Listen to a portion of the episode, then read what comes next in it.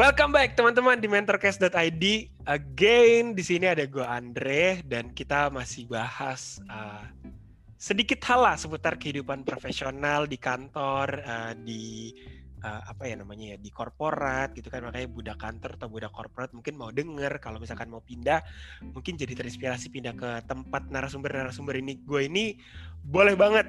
Jadi uh, ya who knows uh, pembicaraan kita pada hari ini bisa kasih value bisa kasih pembelajaran dan bisa kasih inspirasi biar kalian punya karir yang lebih baik kita langsung aja kenalin di sini ada Sabrina dan juga ada Stella Hai Hai ini Sabrina.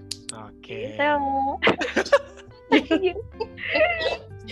Oke, oke. Jadi Sabrina Stella ini adalah mantan, eh, gue bisa bilang mantan ya, mantan iya. karyawan Mark Plus Inc. Hey.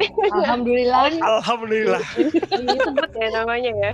Tidak disensor ya? Iya nggak disensor dong kan nggak apa-apa okay. kan. Bagus okay. perusahaannya. Jadi Mark Plus Inc itu apa teman-teman? Mark Plus Inc adalah sebuah perusahaan konsultan pemasaran yang membantu bisnis Anda agar bisa lebih baik lagi melakukan penetrasi pasar.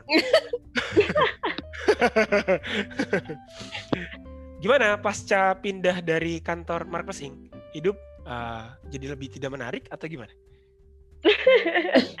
Siapa dulu nih? Kalian jebakan ini. Uh, boleh boleh.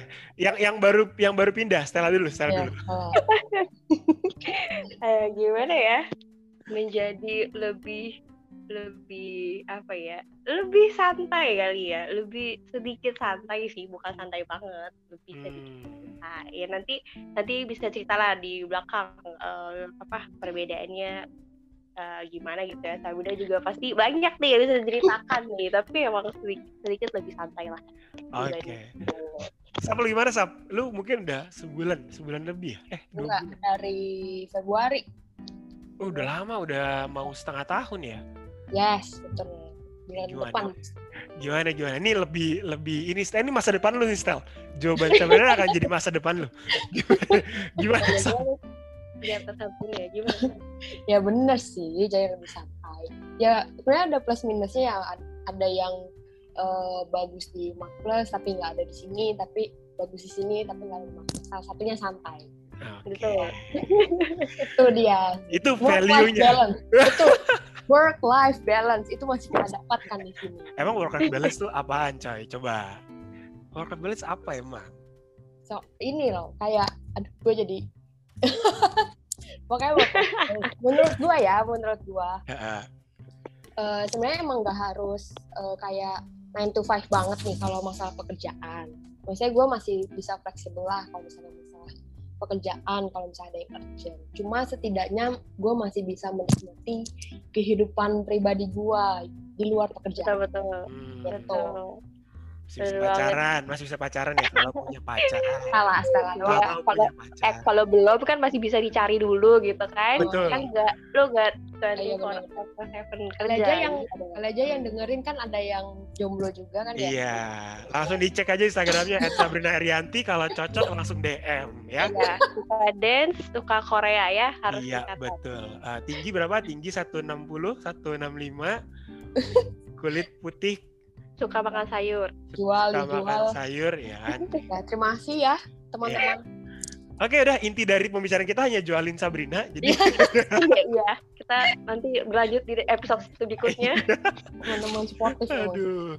Eh tapi gue penasaran deh, nggak penasaran sih kan karena gue juga dari sana ya. Cuman gue iya. pengen tahu dari sudut pandang lu pada nih gitu kan. Uh, konsultan pemasaran itu tuh sebenarnya apa sih? Kayak gimana sih? Dan kenapa sih orang itu harus pakai jasa konsultan pemasaran? Kenapa nggak do their own marketing reset? Kenapa harus pakai kalian? Boleh gak? Uh, Stel, share sell. Oke. Ini gue sekaligus ini ya promosi ya barangkali ada yang mau pakai kan. Iya kan dong. Kita nih alumni Mark Plus. Iya, harus tetap promote positif Mark Plus. Oh, iya, Betul. Oke, okay. kenapa harus pakai konselor pemasaran? Itu kerjanya apa? Ini ya kalau misalkan gue, gue lumayan sering mendapat mendapat pertanyaan ini dari orang-orang yang baru gue ketemu ya. Kan hmm. gue gaulan gue sebelah samudra nih.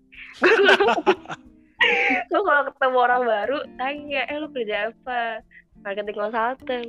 Terus doi di oh ini gue tahu dia gak tahu kan sebenarnya marketing consultant tuh yang yang jualan gitu kan. Terus gue diem.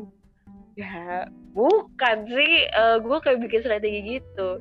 Itulah gue sering mendapatkan pertanyaan dan dia menduganya marketing consultant tuh orang yang berjualan gitu ya. Hmm. Tapi kalau konsultan pemasaran itu kita ini kerjanya di belakang layar gitu sebenarnya di belakang layar sebuah perusahaan-perusahaan uh, mayoritas perusahaan besar ya kalau kalian-kaliannya di Marvel itu hmm. misalkan perusahaan X itu uh, pengen launch produk baru Uh, terus dia pengen tahu sebenarnya market tuh oke okay atau enggak terima atau enggak nih produk baru kita. Yep.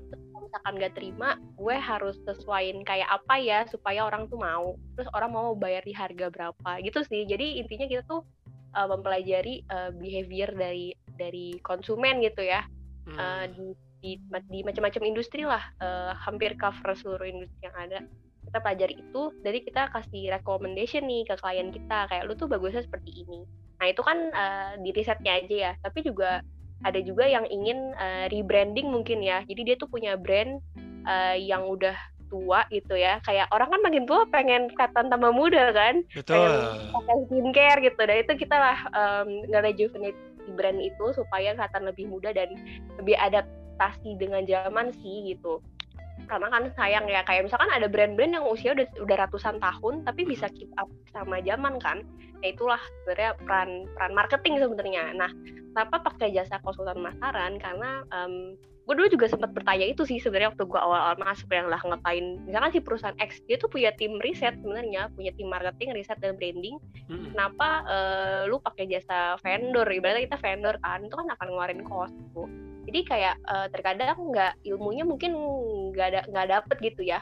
Kan kadang orang-orang orang-orang marketing yang itu pakai sebuah perusahaan tuh belum tentu backgroundnya marketing. Yang gue temui ya ternyata ada yang cabutan atau ya mungkin knowledge-nya belum uh, karena kita selalu update knowledge seputar marketing itu mungkin nggak ya mereka nggak kayak gitu gitu. Jadi nggak nyampe lah sama perkembangan marketing sekarang tuh mereka harus kayak gimana. Itu terus um, ya itu sih yang gue yang gue temui ya um, mereka sebenarnya resource-nya nggak ada juga di perusahaan itu itu dibandingkan dia hire orang terus lama ya misalnya hire orang baru nih yang jago marketing dan lama lagi untuk uh, mencapai goal dia mungkin untuk rebranding atau apa ya dia hire konsultan gitu yang hmm. uh, yang memang sudah ahli bidangnya. I see. Gitu I see. Sap, berarti hmm. most likely uh, kerjaan lu pada nih kayak orang skripsi dong? Ya. Skripsi skripsi satu doang kan. Kalau ini kan banyak nih. Kayak tadi setelah bilang kita bisa handle 10. Ya kayak gitu. Tapi kerjanya gimana? Jadi step by step. Uh, ya assume lah misalkan nih ada orang datang ke lu Kak Sabrina, gue pengen dong jadi konsultan pemasaran, kayaknya keren gitu. Kira-kira gue nanti kalau masuk bakal ngapain aja sih? Gitu. Lu kasih gambaran dong kerjanya itu bakal serumit dan seseru apa? Ya positif nih kan? Rumit dan seru. Yeah. eh tapi gue mau nambahin dulu yang tadi. Salah boleh gak? oh boleh boleh boleh boleh boleh boleh. Oke. okay. kasih bumbu sab oh iya Enggak, tadi kan Stella intinya bilang karena mereka di dalamnya nggak ada resource kan? Nah tapi menurut pengalaman gue nih uh, dari jadi konsultan sampai sekarang kan gue udah kerja di perusahaan company corporate biasa ya. Dan hmm. kemarin juga udah kayak sempet uh, ngundang-ngundang vendor lah gitu dan udah pernah merasakan kedua sisi lah intinya hmm. nah sebenarnya tuh kadang-kadang perusahaan itu tuh emang butuh orang ketiga untuk ngasih masukan gitu hmm. karena kadang-kadang mereka tuh uh, pertama pasti mereka mikir mereka udah bias kan pasti ada aja uh, apa kayak keinginan personal atau ada apa pun lah atau emang cuma uh, diminta sama atasan segala macam gitu benar-benar bias di dalamnya. Yep. makanya itu butuh pendapat orang ketiga. Sama kadang-kadang masukan-masukan dari orang internal tuh nggak didengerin. Mereka tuh lebih hmm. percaya sama orang lain. Itu salah satunya adalah konsultan. Gitu. Karena gue pun merasakan gitu kayak uh, eh, gue ngasih insight nih. Terus dia tuh uh, di internal ya internal tuh kayak nggak ngedengerin tapi ketika dia dapat kata-kata itu dari vendor mereka tuh langsung dengerin sama persis padahal Ya, betul. Jadinya gibah deh.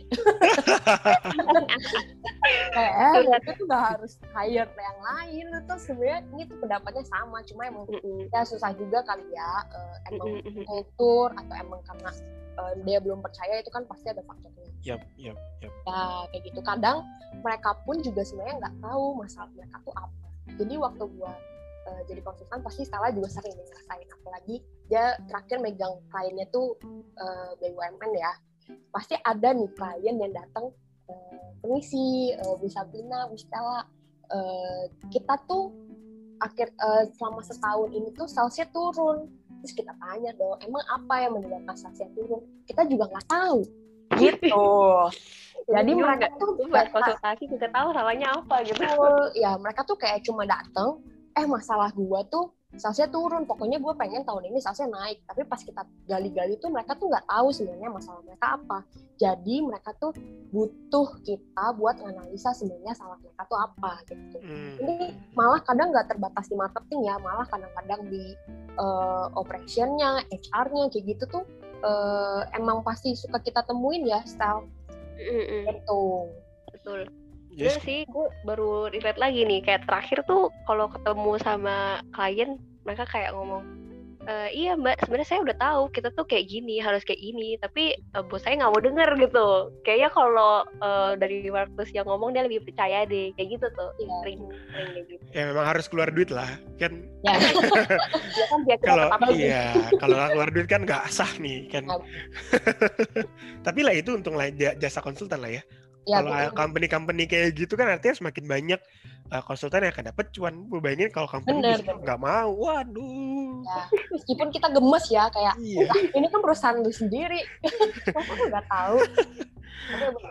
Oke oke. Nah kalau misalkan kerjanya sendiri sap gitu, asyik yeah. orang udah datang, terus lu bakal ngapain? Memang step by step yang lakukan apa?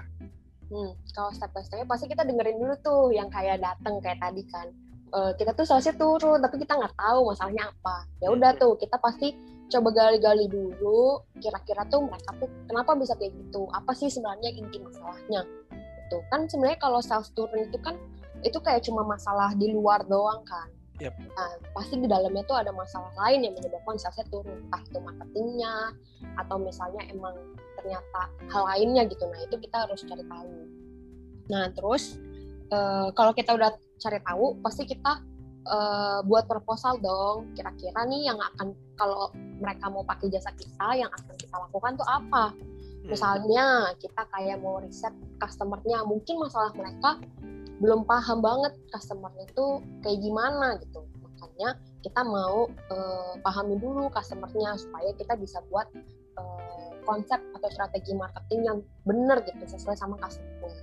Hmm. kita kasih dulu tuh proposal dari kas, uh, dibuat dikasih dipresentasiin kalau misalnya semua udah oke okay, uh, kita udah ngeluarin dokumen kick off berarti kan itu udah sah tuh sebenarnya kalau kita mau kerjasama mm-hmm. nah itu baru tuh kita buat uh, risetnya jadi dari mulai buat kuesioner terus uh, kebetulan uh, kalau kita mau ke lapangan nih mau riset itu tuh kita ada vendor juga namanya kan tim lapangan jadi kita hmm. Nggak nggak sepenuhnya kita ngelakuin sendiri gitu. Terutama kayak face to face metode face to face itu kan banyak banget ya. Dia kan quantity dia tuh bisa ratusan. Nah kita nggak mungkin bis analis uh, ngelakuin sendiri. Jadi kita ada bantuan gitu. Kecuali kayak fokus group discussion atau indeks interview itu biasanya kita juga turun sendiri. Hmm. itu nah itu uh, kita jalanin itu. Kita jalanin risetnya sesuai sama tujuan kita. Kalau kita mau custom uh, tahu customer behavior ya kita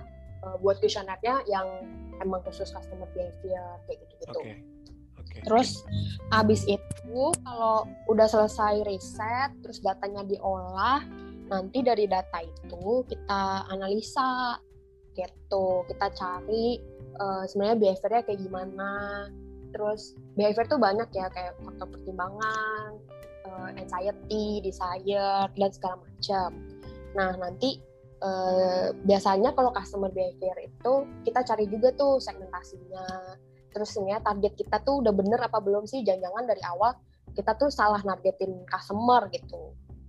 Terus ya udah deh setelah kita analisa segala macam kita buat kesimpulannya. Tuh tapi kalau misalnya emang uh, jadi tuh di Marcus itu ada dua jasa sebenarnya di riset ya. Ada ada yang emang cuma sebatas riset kita cuma akhirnya kasih kesimpulan doang. Mm-hmm. sama ada yang kita tuh bisa buatin strategi untuk mereka gitu. Jadi kalau emang riset ya paling kita kasih kesimpulan sama arahan-arahan dikit lah. Sebenarnya tuh harusnya uh, lu tuh kayak gimana? Uh, kayak A karena lu yang uh, sekarang tuh lu salah dan bla gitu. Nah kalau misalnya emang sampai strategi kita tuh ada uh, waktu lagi tuh untuk uh, buat strategi dari hasil analisa kita gitu. Jadi kita okay. kasih strategi. Oke okay, oke. Okay. Berarti itu sum up sebenarnya yes. yang paling pertama adalah lu harus bisa bikin hipotesis dong. Karena kan proposal oh. yang lu kasih ke si klien itu adalah hipotesis lu kira-kira masalahnya di mana. Gue inget oh. banget dulu kita pernah kita itu gue berarti sama Sabrina ya pernah bikin proposal yang quote in quote uh, dikomentarin sama CEO kita. ini proposal nggak ada oh. isinya nih. ini apa ini nggak jelas ini hipotesisnya dan segala macam gitu-gitu ya. Karena memang sebenarnya proposal itu bukan cuma sekedar template ya kalau kalau oh. di di kita ya. Itu itu oh. adalah bagian dari hasil analisis kita juga pre-analisis kita tentang kondisi perusahaannya, kondisi industrinya dan kita bikin hipotesis di sana. Dan um, kita baru kerjasama sama tim lapangan, kita bikin kuesioner mereka yang running kuesionernya. Dan itu depends ya, kita mau kuantitatif doang, kualitatif doang atau kuantitatif dan kualitatif ya. Uh, ya depends on tujuan risetnya metode yang paling tepat kayak gimana waktunya juga ngaruh kita punya timeline seberapa lama dan lain sebagainya tapi mostly kerjanya seorang BA itu create uh, uh, questionnaire-nya gitu hmm. bukan running the operational things-nya baru nanti hasilnya dapat diolah dan jadilah sebuah kesimpulan itu yang hmm. kurang lebih asap ya urutannya yes. yes betul um, nah tadi kan di akhir kan lu uh, apa ya bilang bahwa ya bisa jadi masalahnya itu ada di segmentasinya, di targetnya atau di mananya gitu. Nah, um, gue pengen nanya ke Stella dulu mungkin. Stella, yang dari pengalaman lu selama ini yang lu lihat, uh, nanti mungkin lu bisa specify industri yang lu handle seperti apa gitu ya. Um, problem apa sih yang yang sering muncul gitu dari uh, klien-klien yang lu handle gitu, bahwa kebanyakan orang itu tidak mensegmentasikan dengan baik atau sebenarnya mereka sudah mensegmentasikan tapi uh, apa ya mungkin value-nya tidak ada diferensiasinya tidak ada atau apa nih? Yang lihat kebanyakan uh, masalah marketing di Indonesia. Hmm. uh, masalah marketing di Indonesia ya. Sebenarnya gue tidak bisa mengeneralisir ya. Kayaknya setiap perusahaan atau setiap industri itu kayaknya punya uh, ini masing-masing masalah masing-masing gitu. Mm-hmm. Kalau misalkan gue lihat patternnya ya, uh, kalau di terakhir industri terakhir yang gue tempatin, uh, jadi gue di Rio uh, apa dia jadi tuh Rio tuh uh, resources infrastructure sama utilities ini handle kayak klien-klien um, apa ya misalkan gue sebut sebut nama apa ya ya Pertamina ada Angkasa Pura terus kayak apa lagi uh, Pelindo ya uh, jadi bener gak sih Sab? Ya benar. ada juga ya. Iya iya. Jadi ini sama kayak industri Sabdia terakhir nih. Iya. Lu jelasin dulu. Nanya. Kita tukeran industri. Oh iya betul. Jadi ya, dulu lagu. dulu Sabrina di Rio. Rio. Pindah. Ya, pindah ke HPC. HPC itu adalah high tech eh. properti consumer goods iya banyak lah healthcare segala macam di ya situ. semua. Kebalikannya nih jadi Sabrina dari Rio ke HPC Stella dari HPC ke Rio ya kan? Sampai jadi leads gila leads muda. Tepuk tangan semua. luar biasa. Umur umur 24 tahun. Eh berapa sih 20, ya, 24 jadi leads coba di mana lagi? Terus Stella terus Stella terus Stella. Oke, okay, jadi uh, intinya beda-beda sih kalau gue ya. Pas gue di Rio itu kebanyakan uh, yang datang itu adalah request untuk uh, branding. Jadi kalau di Rio itu kan kebanyakan B2B ya. Jadi uh, klien gue itu melayan, melayani bisnis.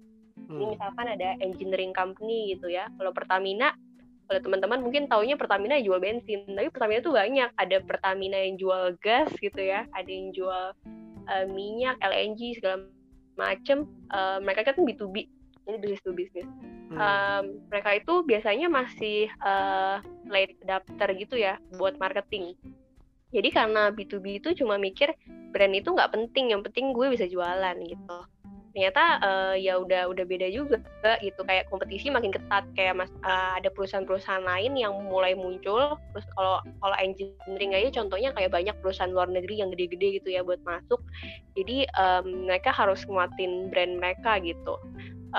Nggak uh, bisa nggak bisa kayak dulu lagi. Kayak ya udah pokoknya gue punya logo uh, udah gitu aja nggak tahu diferensiasi diferensiasi yang bisa gue tawarkan ke customer gue tuh apa gitu uh, bedanya gue sama komuter gue kan kita sama-sama nawarin hal yang serupa kan uh, kenapa gue harus milih di uh, perusahaan lo dibandingin perusahaan lain gitu itu sih uh, jadi banyak banyak yang uh, requestnya di bagian branding kalau hmm. di Rio ya. Hmm. Makanya tipe tipe project itu banyak project-project consulting. Jadi kalau saya beda cerita ada riset ada consulting di Rio itu banyak kan tipe-tipe yang uh, consulting, consulting branding biasanya kita tentuin segmentasi targeting positioning sampai turun nanti differentiation dan value kita apa.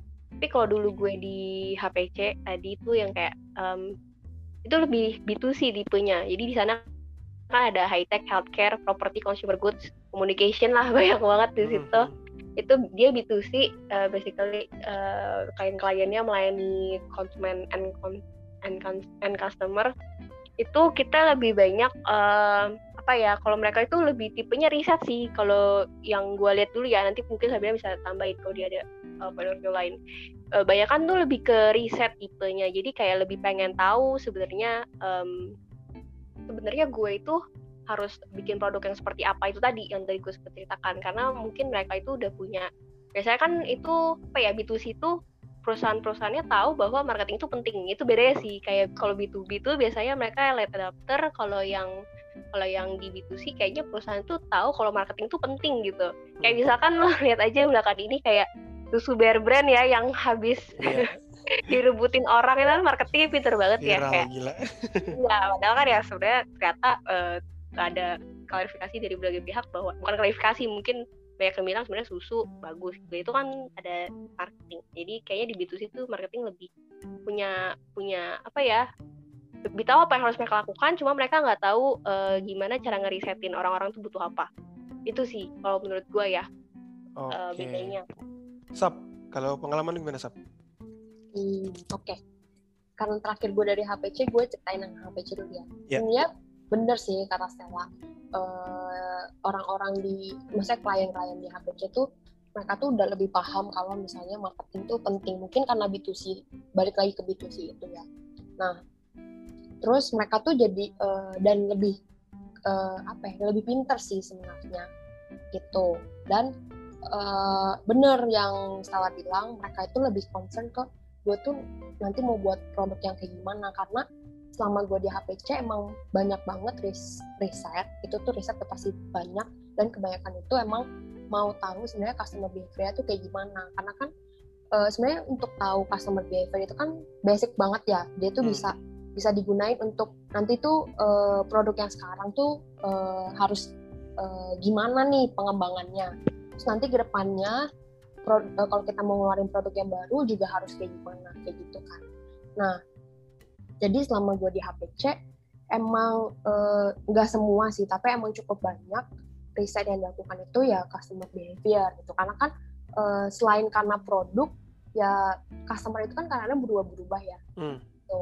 baik dari uh, maksudnya tingkah lakunya terus abis itu itu aja tingkah laku sendiri terus tingkah laku menggunakan platform uh, yang digunakan itu kan juga suka berubah-berubah hmm. nah makanya uh, mungkin untuk B2C perusahaan B2C itu cukup uh, concern buat mereka gitu bahkan mungkin ada yang rutin deh untuk melakukan riset ini gitu supaya emang tetap relevan produk yang mereka buat sekarang di pasar sama customernya sekarang itu. Oke.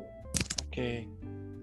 Nah kalau yang dari B2B ya gue cukup lama sih untuk nggak megang B2B tapi uh, mirip lah sama yang setelah itu. Mereka tuh sebenarnya lebih uh, pasif ya. Tapi sebenarnya kalau tingkat kesulitan emang mungkin lebih sulit yang B2B kali ya. Karena kan uh, uh, gue pun sebagai uh, apa ya kayak konsumen kan pasti jarang banget nih ngelihat marketing B2B biasanya mungkin mereka lebih direct juga kan. Jadi gue belum familiar juga dan itu jadinya buat lebih sulit gitu. Dan mereka emang uh, mungkin jadinya lebih konvensional gitu jadinya kayak gitu sih.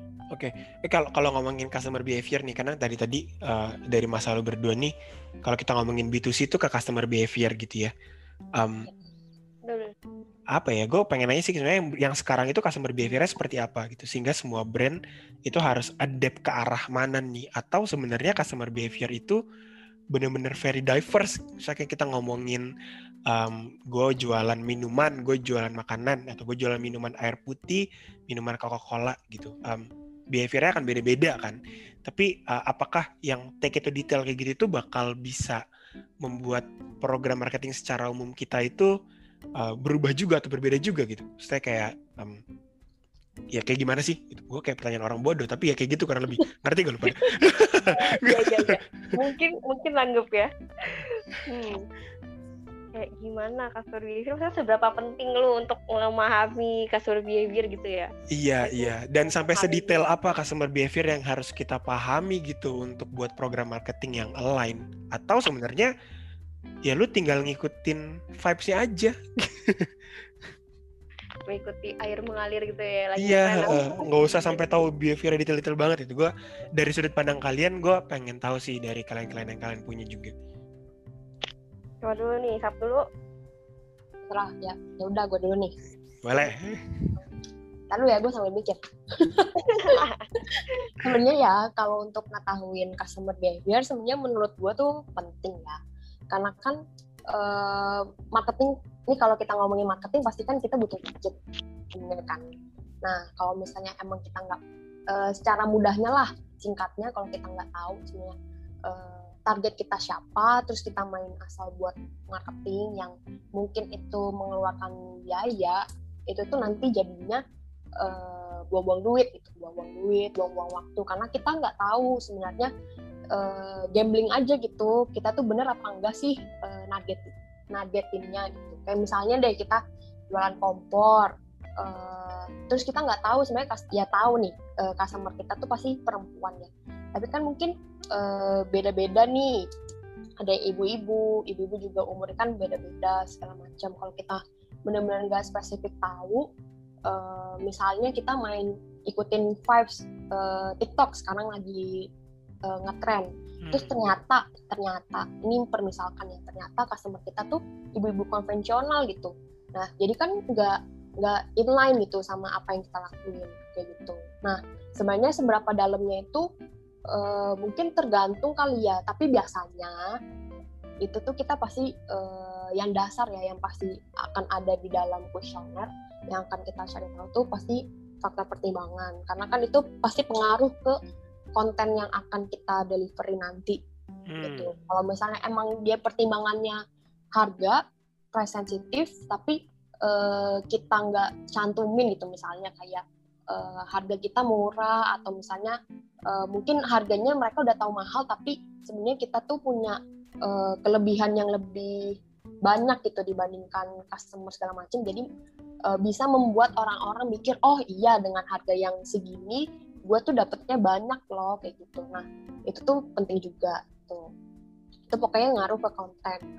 Terus mungkin selain faktor pertimbangan uh, keinginan mereka apa kekhawatiran mereka apa kayak gitu. Kalau misalnya mereka uh, khawatir uh, brandnya bukan brand ya kayak produknya ini nggak aman ya berarti dalam konten itu kita harus memastikan uh, mereka tuh ketika lihat mereka merasa aman gitu. Misalnya kayak ada sertifikat atau misalnya ada kita pernah dapat penghargaan top brand segala macam mungkin bisa kita masukin juga ke situ. Pokoknya konten yang bisa membuat mereka tuh merasa oh ini tuh barangnya emang berkualitas aman gitu gitu kalau misalkan tadi uh, apa tadi kan saya udah cerita ya kayak behavior apa sih biasanya yang dipelajari gitu ya?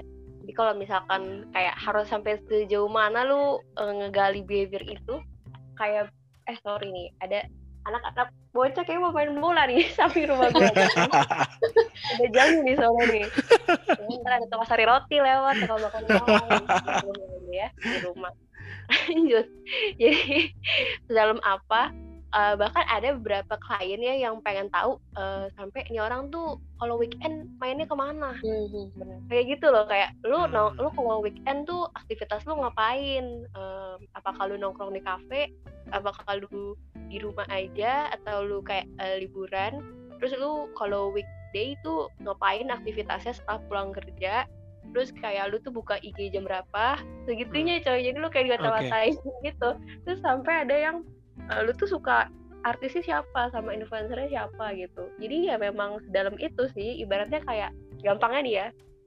Lu kayak mau PDKT sama orang aja gue lu kalau uh. PDKT sama orang lu kayak pengen tahu semua hal tentang dia kan kayak dia orang suka makan apa warna kesukaan apa dia suka mawar merah atau mawar pink gitu ya okay. emaknya suka martabak atau suka pizza gitu kan lo pasti mau tahu kayak gitu kan Betul. makin lo tahu informasi detail lo akan makin bisa uh, grab his or her intention hmm, kan. Hmm, hmm. Gitu. Tapi memang kalau yang gue lihat dari situ berarti uh, the very first thing yang harus dipikirin juga sebenarnya adalah uh, target lu siapa kan? Karena ngomongin behavior kan lu nggak mungkin cari behavior semua orang itu lu pasti udah punya target dan hipotesis kan balik lagi. Iya iya betul betul.